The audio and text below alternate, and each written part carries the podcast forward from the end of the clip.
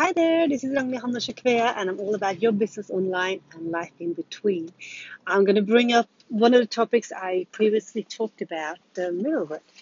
And uh, this time, um, this is just going to be very short and sweet, and I'm just going to give you a little challenge in a way, um, a way to start that process of noticing how everyone around us, actually everyone around us, literally, are in one way or the other mirroring how we are on the inside, on the outside, how we treat other people, uh, what we do and what we don't do. So this challenge starts with this simple question. Now, what's going on around me right now? How are the people around me right now acting towards me?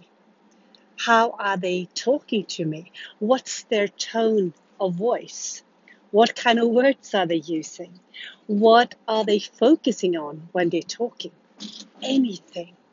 Now, if you're sitting all by yourself at the moment when you're listening to this, you say, oh, well, there's no one around me. Well, then go and ask yourself, what did you experience when you did meet other people? You know, it could be anything on the bus, some train, on, in your work with colleagues. It could be in a phone conversation with a friend or family member, anyone what was going on at that moment.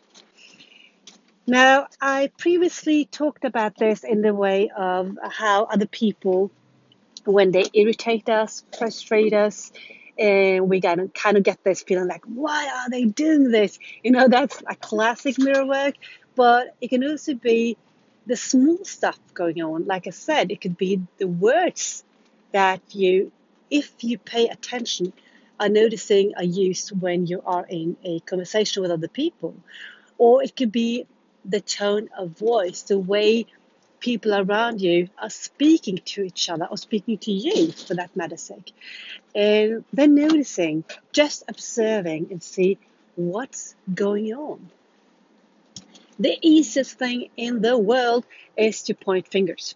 That's the easiest thing, and that's what we do on autopilot pointing fingers to anyone that are around. It could be our spouse, it could be a friend, it could be a family member, it could be a random person that you're just seeing on the street. And we'll point fingers and say, whoa, that, you know, there they do it again, you know.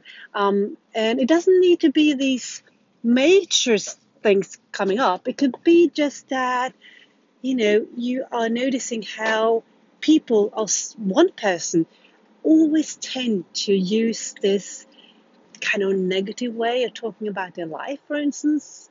Like it's always something. It's just, oh, it's good, but you know. So there's always something that is not perfect.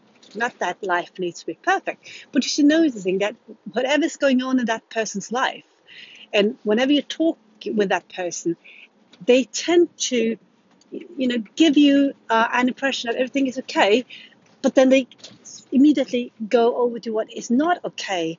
And it's like they do not want it to say that is just okay. They, they want to paint this picture of things being, yeah, it works.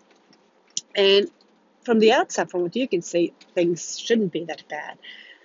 Well, then use that mirror, use that observation to point towards yourself.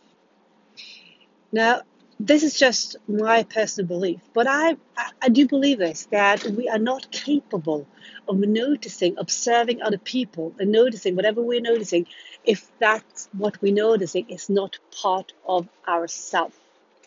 Okay, so note that. And again, I'm just going to give you this challenge to test it out of yourself because I don't think that is possible. And one way, and one of the reasons why I'm saying this is that I I've noticed over the years that when I have conversations with, you know, it could be random people, it could be people I've known uh, all my life, and then I've noticed that they could have a perception or a um, yeah a view on a situation that they experienced that is totally new to me. I never even thought about that being a problem or that that was visible, whatever we are talking about. And on the same the same way, I also noticed how I had um, I've, I've experienced that I've looked uh, into different situations and judged it, and then later on found out I would do the same thing in a similar situation. It could be, you know, to um, to be get angry. It could be to, uh, yeah, again, look at that uh, half empty glasses instead of the half full glass. But as I was witnessing it, I didn't see that that was part of me. So I would judge and say, hey, you know, your life is good. Why are you looking at this as a half empty glass? You know, it's, it's almost full. And then later on, I noticed that I would do the same thing because I was somehow and for some reason drawn into these negative thoughts. So I do believe that that whatever you and I are experiencing and noticing and observing with others, it's not by coincidence. It's because it's something there that's also part of us because we're all connected no matter how. So there's something there. And even though what we are observing and noticing with others is not something that we are practicing or being at the moment, it is kind of this little voice or this little sign that tells us that, and or can tell us that, okay, this can or is already part of you too. So how do you want to handle this? Is this okay? Or is this the opportunity to make some change? So back to the mirror work and back to noticing what's going on in your life with people around you. Now use the opportunity the rest of this day just to notice. And if you have a pen and paper at hand or even on your phone on the notes, just write down whatever comes up. Write down what you are observing with people around you. And I'm just going to repeat that. It could be the words they're using, the tone of voice they're using, um, their facial look when they talk, their um, focus. What are they focusing on? The way they talk to you or talk to someone else. Anything that comes into your mind, just observe it. And then, of course, there's always the next step. And next step will then be look at whatever you wrote down, because I think it's actually very uh, valuable to write it down, not just keep it in your head. Now, whatever you wrote down, then look within and just again just observe you don't need to judge you don't need to make a conclusion but just observe and say okay what about what I've just noticed is actually or maybe part of me. It just as any kind of mirror, it's not pleasant, it's not always nice, it's not like the part of you know what we like to do because we have to look at ourselves in the mirror and say okay here i got something to work on but it, you know the reward on the other hand is that we get to know each other on a much deeper level.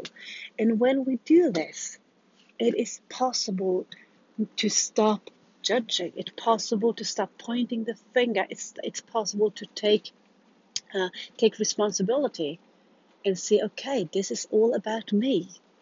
Now, who do I really want to be?